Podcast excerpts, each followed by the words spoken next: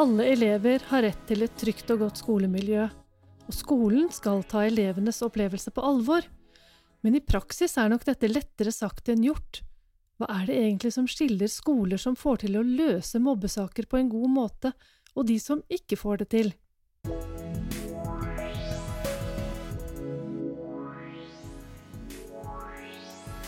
Dette er Veilederpod fra Visma, en podkast for ledere og ansatte i offentlig sektor. Johannes Nilsson Finne, førsteamanuensis i pedagogisk psykologi ved Læringsmiljøsenteret, velkommen til deg. Takk for det. Har du noe godt svar på det spørsmålet her? Ja, jeg tror egentlig det, altså.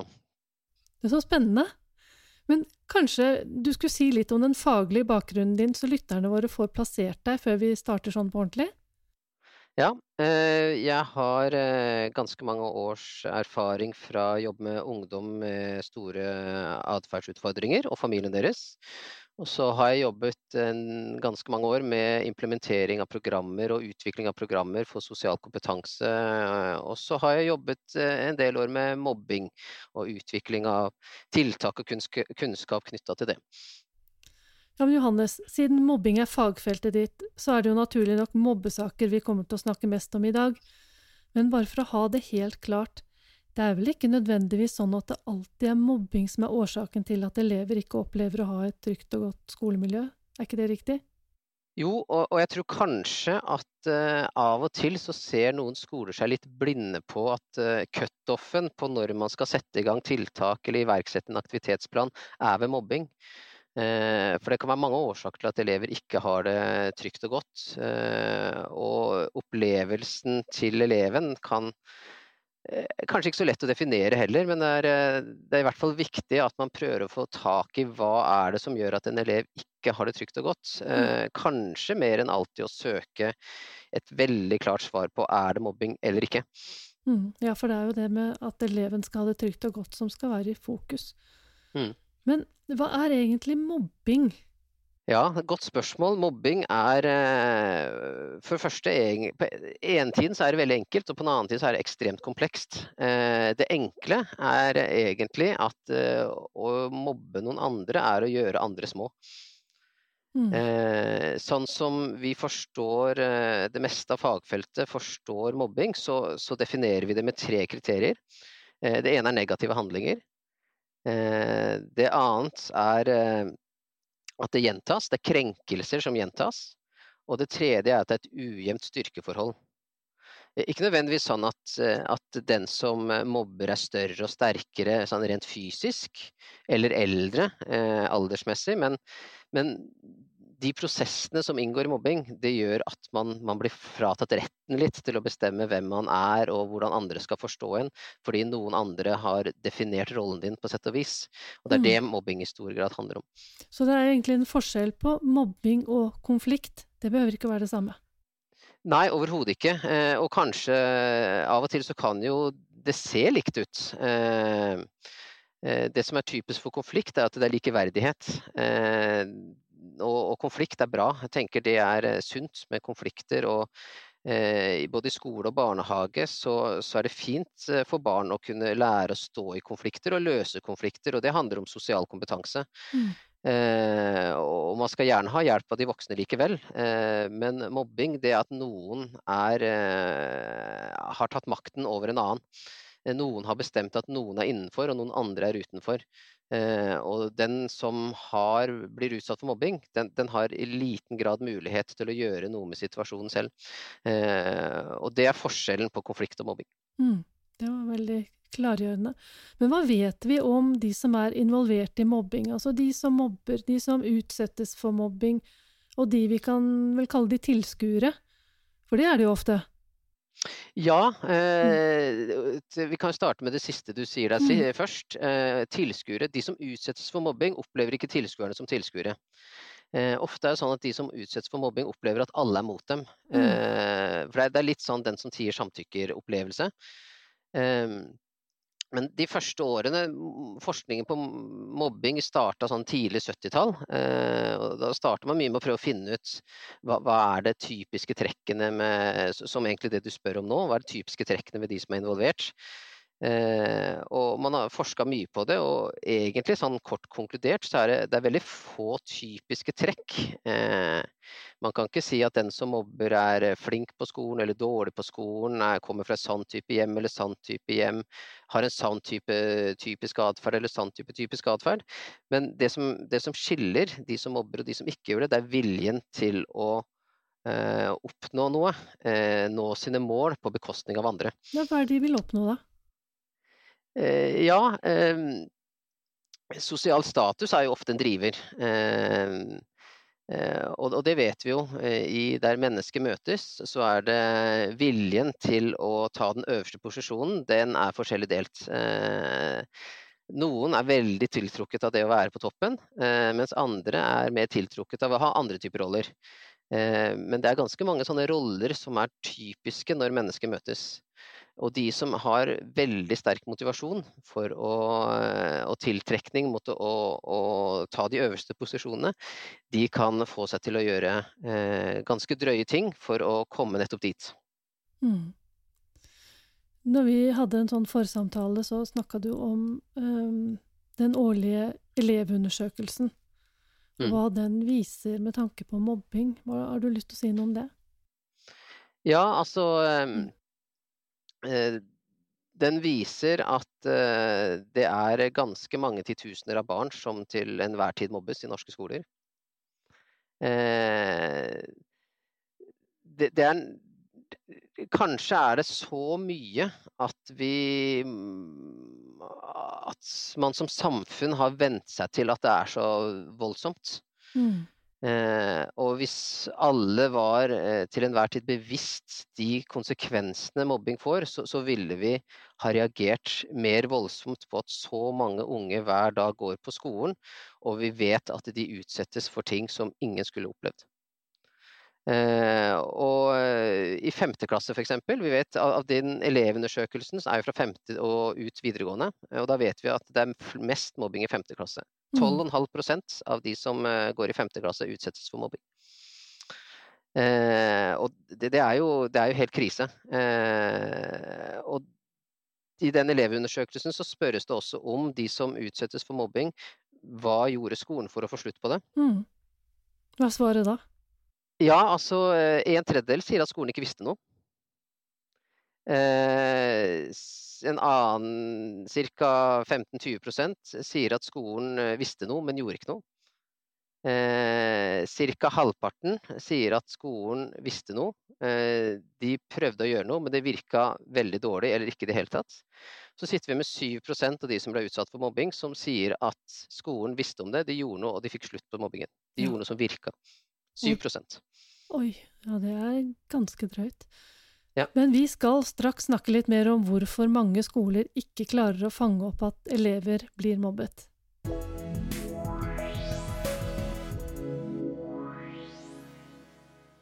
Og da må vi kanskje se litt nærmere på opplæringslovens bestemmelser om skolemiljø, det som er kapittel 9a nå, og som blir kapittel 12 når vi får ny opplæringslov. Dagens 9a3 sier at skolen skal ha nulltoleranse mot krenking som mobbing, vold, diskriminering og trakassering. Den nye opplæringslovens paragraf 12-3 har fått en litt annen ordlyd. Nulltoleranse er fortsatt med i overskriften, men bestemmelsen sier at skolen ikke skal godta krenkende oppførsel som for eksempel mobbing, vold, diskriminering og trakassering. Hva er egentlig nulltoleranse, Johannes? Ja, det er et bra spørsmål. Nulltoleranse handler om holdninger. Eh, det handler om hvilke holdninger vi har til det andre utsettes for, og det vi ser. Og på sett og vis er vel nulltoleranse det er terskelen vår for når vi ikke kan snu oss bort. Mm. Eh, jeg er en del rundt, og kollegaene mine er en del rundt på skoler og, og veileder og har fagsamlinger og slikt. Og, og vi opplever et enormt sprik, stort strekk, stor avstand mellom det laveste nulltoleransen og den høyeste nulltoleransen. Eh, noen steder så, så, så kan man sier at eh, nulltoleransen den går ved fysisk mens andre de eh, setter den med himling med øynene eller eh, tonefall eller Så, så det, det, handler litt om hvor, hvor setter vi terskelen for når vi absolutt griper inn. Mm. Eh, og, og, kanskje er det sånn at de som har et, et ty, tydelig, bevisst forhold til det, de kanskje er gode også på en setning som ofte virker veldig godt. Eh, og det er det du sa eller gjorde der. Hvis du hadde sagt eller gjort det mot meg, så hadde ikke jeg likt det. Derfor vil jeg at du skal stoppe. Mm. Men jeg lurer jo litt på hvorfor er det mange skoler som ikke klarer å fange opp at elever blir mobba? Jeg tenker det handler om, eh, det handler om tre, tre si, perspektiver. Mm. Det ene er holdninger. Eh, hvor er terskelen for nulltoleranse? Særlig elever i videregående. De, sier, de gir uttrykk for at de må oppleve uendelig mye mer enn de syns de bør kunne tåle av karakteristikker og kjønnslige begreper, som de blir kalt ved. Så, så holdningen til de ansatte er én ting. Eh, den andre er kunnskapen. Hva er mobbing? Hvordan ser det ut? Hvem er involvert? Eh, hvilket begrepsapparat har vi? Eh, felles forståelse. Og hvilken kompetanse har man knytta til de forskjellige delpliktene i aktivitetsplikten? Til å både observere, forstå det man ser, og sette i gang tiltak som virker. Eh, og det mest springende punktet, eh, tror jeg vi med trygghet kan si, det er eh, at de skoler som er gode på å løse mobbesaker, de er også dyktige for det første til å komme tidlig inn. Mm. Og for det andre til å undersøke ordentlig. og de tiltakene man setter inn, de baseres på en konklusjon av undersøkelsen. Ja, de setter ikke bare inn tiltak som de tenker at dette fungerer sikkert, men de har gjort en grundig undersøkelse først. Ja. Mm. Men så er det sånn at når skolen får greie på hva som skjer, er det tiltakene som feiler, da, hvis skolene ikke klarer å løse sakene selv om de vet at det skjer noe? Eller er det andre ting? Det er, det er, litt forskjellig eh, fra, fra, sak til sak, eh, må vi jo si. Eh, men det som er typisk eh, trekket, det er at de skoler som ikke får til gode løsninger, de er ikke mindre interessert i å få det til. De legger ikke ned mindre innsats, men innsatsen er bare ikke så god. Så kvalitet, høy kvalitet og treffsikker. Eh, og det har da igjen med én, eh, når teamet kommer inn i saken, hvor vanskelig den er å løse. Og to, hvordan man undersøker det, det, er eh, en fare for, hvis man, eh, hvis man, søker om beviser, og at noen skal tilstå at de har gjort det, eh, så, så kan det være vanskelig. Da blir det fort en forhandling og megling og, og, og krangel om hvem er det som sitter på sannheten, istedenfor å danne seg et overblikk over situasjonen. Mm. Så har du noen tips til hvordan man bør legge opp en undersøkelse for å få overblikk over en klasse der det er mistanke om mobbing eller andre trusler mot elevenes opplevelse av å ha det trygt og godt? det, er et, et, kjernebegrep som jeg tror alle skoler må ha helt eh, lengst framme i pannelappen, og det er, eh, det er triangulering. Det må du forklare litt nærmere. Det er egentlig begrep fra forskningsverdenen, men triangulering det betyr mm. å bruke ulike perspektiver. Ja. Eh, og en type sett med ulike perspektiver, det kan være eh, å kartlegge ved spørreundersøkelse, eh, samtaler eh, og observasjon. Eh, en annen type triangulering kan være hvem som gjør det. At man bruker forskjellige personer til å foreta samtaler og foreta observasjon. Sånn at man får ulike innspill. fordi som mennesker så ser vi også forskjellige ting fordi vi er forskjellige. Eh, vi tolker forskjeller fordi vi har forskjellig erfaringsbakgrunn. Så det, så det er viktig at vi, at vi, er nøye med når ting skal undersøkes, at vi bruker ulike perspektiver for å forstå best mulig. Eh, og av og til så må vi bruke god tid. Eh, og jeg tror veldig mange som ender opp med å ikke løse en sak godt, de setter i gang for tidlig. Og jeg husker i starten, i 2017 i august der, når, når den nye aktivitetsplikten kom, mm. eh, så var det mange rektorer som var ganske stressa på at man skulle løst saken innen fem dager. Eh, for det var sånn man forsto eh, aktivitetsplikten. Men det aktivitetsplikten sier, det er at man skal sette i gang prosessen. Ja. Eh, og, og, det å ta seg tilstrekkelig med tid, ikke måneder, men, men, dager, kanskje en uke eller kanskje to uker, til å gjøre en, en ordentlig undersøkelse. Eh, sånn at det blir en ordentlig kvalitativt god prosess. Eh, det, det, er avgjørende. Mm, og Du sa at det var i 2017, men jeg opplever jo at eh, fortsatt så er det noen som tror at saken må være ferdigbehandlet innen fem dager, og det ser vi også på tilsynsrapporter. At ja. mange får tilbakemeldinger på det. Så, ja. Så, det er nok veldig viktig at det kommer godt ut. Ja. Men, et, et, et, skal, hvis jeg bare kan få, få, få legge til, for et ja, annet begrep som også er viktig, eh, det er jo det som man uh, kaller for kontradiksjon. Eh, og, og, og, mobbing det involverer jo, når man undersøker, så involverer jo det at man antar at noen har gjort noe som er galt mot noen andre. Og de da som man antar har gjort det, som har mobba, de må også få lov til å komme med en, en uttalelse. Og, og, og, vi vet at eh, veldig mye av det som, som, som skjer i, i, mobbing, så må vi kanskje se vel så mye på situasjonen som på personen. Eh, for, for, mange kan få seg til å gjøre ting eh, som kan ramme andre uten at de nødvendigvis hadde tenkt at den andre skulle lide. Eh, sånn at eh, av og til så gjør vi ting uforvarende. Vi, vi, utvikler Vi kanskje forteller en vits som treffer, alle lo, vi kjente det var deilig, og så gjør jeg det en gang til. Og plutselig så har det blitt en ting. Mm. Eh, og den som blir fortalt vits om, den, den, kjenner at det blir verre og verre og verre. Og vil oppleve det som mobbing, mens den som gjorde det, den vil bare tøyse. Eh, selv om egentlig så vil den som, som, står for det, vet at det er galt. Eh, og det viser forskningen også. De aller fleste som står for mobbing, de vet at det er galt. Eh, men de klarer å bruke eh, gode legitimeringsprosesser som gjør at man legger fra seg skam og skyld. Eh, sånn at man kan fortsette uten å bli dynga ned av det. Så, mm. så, så, så det, er, det, er, mange prosesser som, som er inne der.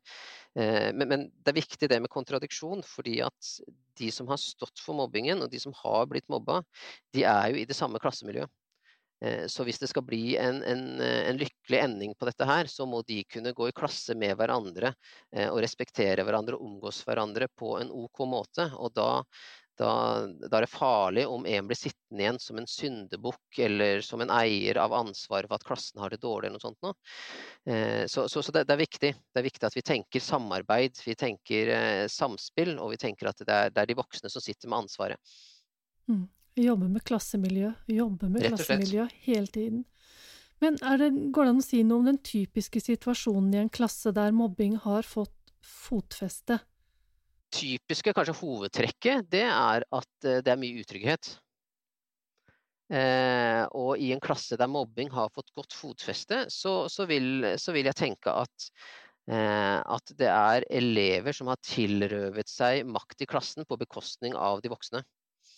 Eh, og det gjør at det blir et utrygt farvann eh, for, eh, for elevene, som gjør at de kanskje må søke trygghet og nærhet hos de som eh, står for dette. Eh, som eh, igjen medfører en hel masse ting. Altså det, det, gjør at trykket mot den som blir mobba blir større, og det gjør at muligheten for læreren til å forstå hva som skjer, for tilgang til informasjon, den blir også eh, mye dårligere. Eh, og hvis vi ser det fra elevundersøkelser f.eks., at i, på, på mellomtrinnet så skjer mesteparten av mobbingen skjer i friminuttet. Men fra man begynner på ungdomsskolen, så, så, er i klasserommet den mest vanlige arenaen for mobbing. Det er der mesteparten av mobbingen skjer. Eh, det betyr foran øynene på lærerne. Eh, og det er jo sånn at når, man blir eldre, så man, blir man mer sosial intelligent. Man kan bruke det til good and bad. Eh, og små, subtile ting kan gjøres foran ansiktet foran de voksne, uten at de voksne får det med seg, men det rammer hardt. Elevene vet godt hva som skjer, men de voksne får det ikke med seg. Og hvis elevene ikke tør å si fra til de voksne hva som skjer, så er det ofte at de voksne heller ikke får med seg. Og Grunnen til at elevene ikke forteller det til de voksne, det er for at man ikke er trygg på at de voksne gjør en god nok jobb med å løse det, og fordi de opplever at de utsetter seg selv for fare. Derfor søker de heller nærhet til de som står for mobbingen. Og det forsterker den negative spiralen. Det her syns jeg er veldig interessant. Og det er jo mye snakk om krenkelser i media. Har vi som folkeferd blitt mer hårsåre? Burde vi tåle mer? Jeg tror ikke at vi har blitt eh, mer hårsåre. Jeg ser det i kommentarfeltene når det er snakk om mobbing og det er snakk om diskriminering, at noen mener at eh, det er sånn det er. Eh, jeg tenker kanskje mer at vi har fått flere arenaer hvor det er mulig å dra hverandre i håret. Eh, sånn at eh, hvis, hvis, vi tenker at det, det er der problemet med mobbing ligger, så, så, er vi på, på, gale veier. Det var et godt bilde, det der med å dra hverandre i flere arenaer og dra hverandre i håret. Men jeg lurer på om vi skal gå litt tilbake til det som var inngangsspørsmålet i dag. Hva er det som skiller de skolene som får til å løse mobbesaker på en god måte, fra de som ikke lykkes spesielt godt med det? Hva tenker du da? Nei, altså da, mm. da tror jeg jeg må tilbake eh, litt til, til, de tre perspektivene med holdning, kunnskap og kompetanse. Mm. Eh, vi ser, eh, vi ser, en del eksempler på eh, at eh, når, når, skoler forsøker å løse saker mm, på et litt sviktende grunnlag, fordi man kanskje ikke har undersøkt godt nok, så setter man inn tiltak som ikke helt virker. Og etter man har gjort det noen ganger, så har saken på sett og vis blitt resistent mot løsning. Det, det går ikke an å løse den fordi man har prøvd så mange mislykkede forsøk.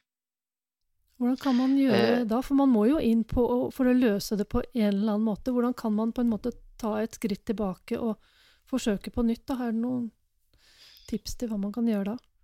Nei, jeg tror altså det er, For det første så er det viktig, det er viktig å undersøke godt. Mm. Uh, og det er viktig altså, med Den første delplikten i aktivitetsplikten er jo å følge med. Mm. Og følger man godt med, ha god kunnskap om hvordan ser ting ut, eh, fire venninner f.eks. På, på, en syvende klasse eh, som er mye sammen, der hun ene er litt inn, litt ut.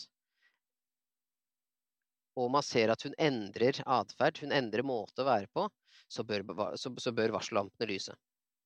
Selv om de fire var sammen dagen før, så er det ikke sikkert at det er, eh, det, det, det er en bra, bra relasjoner. Det, kan godt tenkes, da, da skal man undersøke litt. Eh, man skal undre seg litt. Eh, bruke, bruke hmm, hva var dette?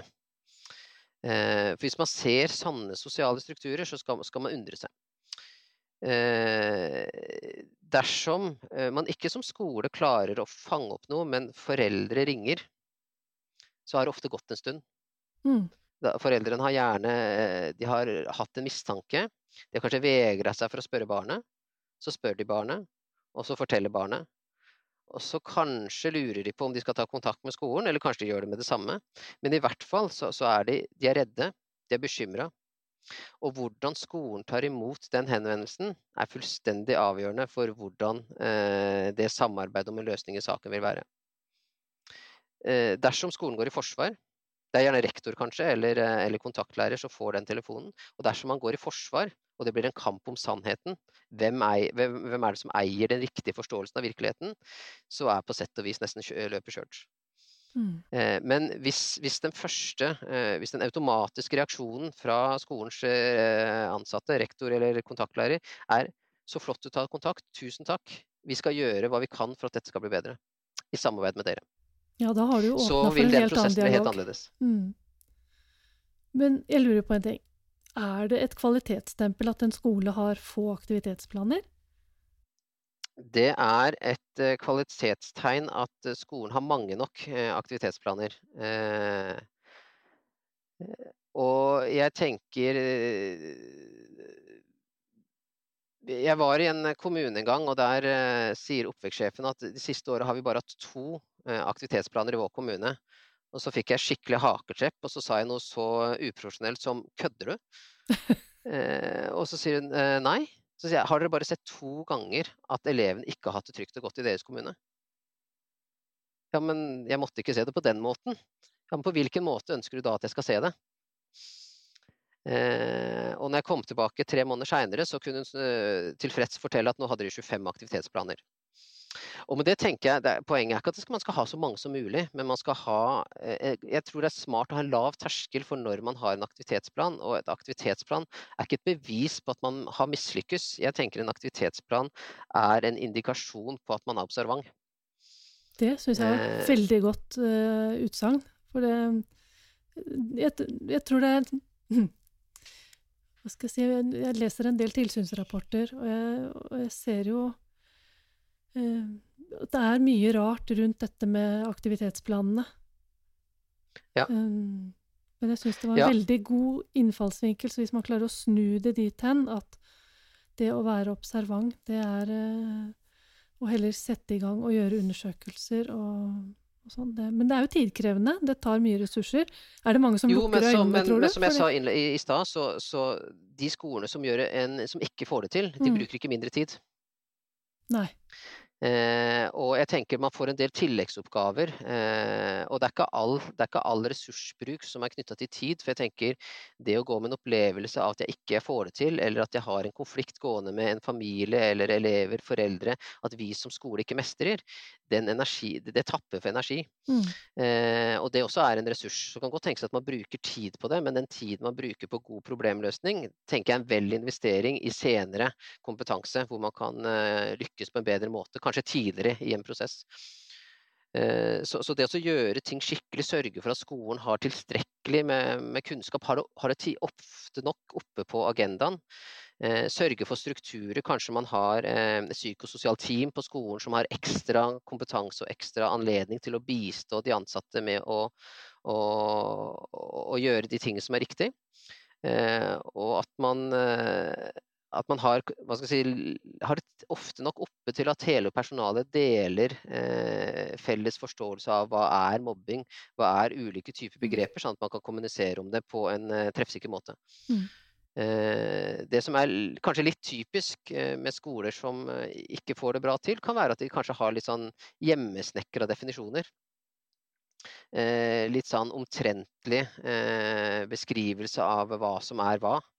Eh, og, og det er klart, da blir det mange gråsoner man skal manøvrere i. Eh, og da, da blir det vanskelig. Det blir vanskelig å snakke om det, fordi mm, det blir så omtrentlig. Ja, det er vanskelig det, er vanskelig det her, men det, moralen må jo være her nå da, at det er lettere og bedre å forebygge enn å drive konstant brannslukking.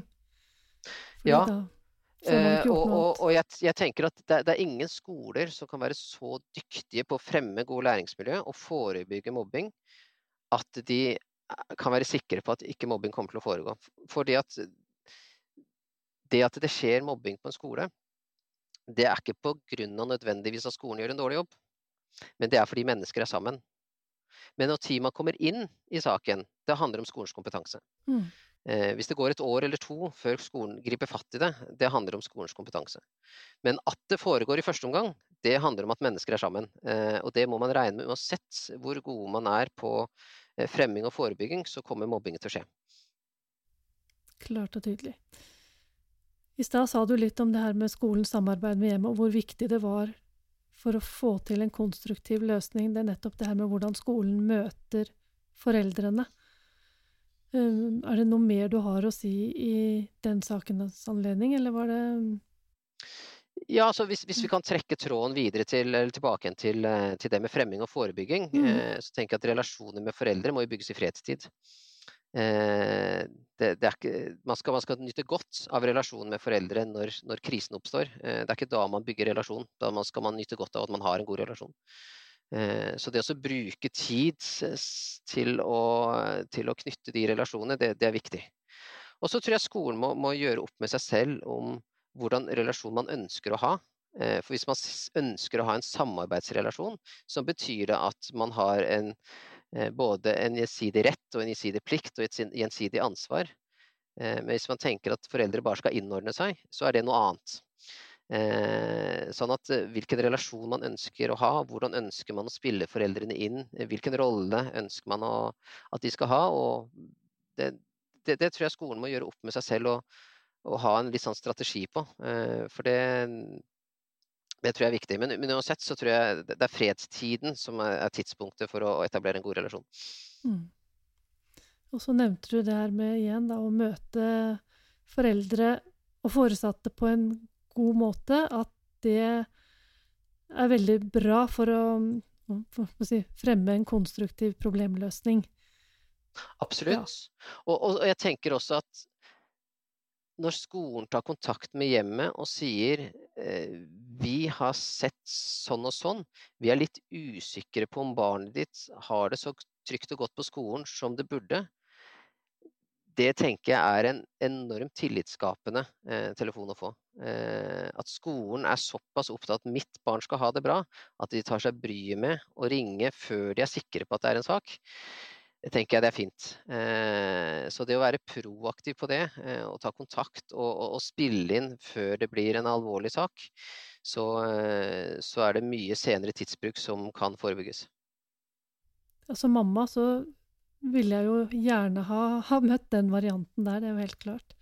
Mm. Men Johannes, vi nærmer oss slutten. Hvis du skulle gi et råd til de som hører på, i en oppsummering, hva, vil, hva bør de ta med seg videre fra det vi har snakka om nå, hva vil du si da? Det er at skolen må få seg eh, god kunnskap og gode verktøy til å gjennomføre skikkelig undersøkelse. Eh, og lage seg en struktur på skolen som gjør at de har noen ansatte som har ekstra kompetanse, som, eh, som hele kollegiet kan spille på når man trenger, eh, trenger, støtte i en vanskelig situasjon. For det å stå alene, oppleve at man står alene Eh, enten om det er vold eller mobbing eller hva det måtte være. Det å stå alene i en sånn sak, det er veldig veldig krevende for ansatte i skolen. Så det å oppleve at man har et, eh, en buffer rundt seg, et, et, team rundt seg som kan bistå, det, det tenker jeg er eh, uhyre viktig. Mm. Tusen takk for praten. Johannes Nilsson Finnes fra Læringsmiljøsenteret. Vi kommer til å høre noe mer fra deg senere. Dette er Veilederpod fra Visma, en podkast for ledere og ansatte i offentlig sektor. Ansvarlig for denne sendingen har vært Lisbeth Storvik Jacobsen, produsent og teknisk ansvarlig Magnus Bjørnby.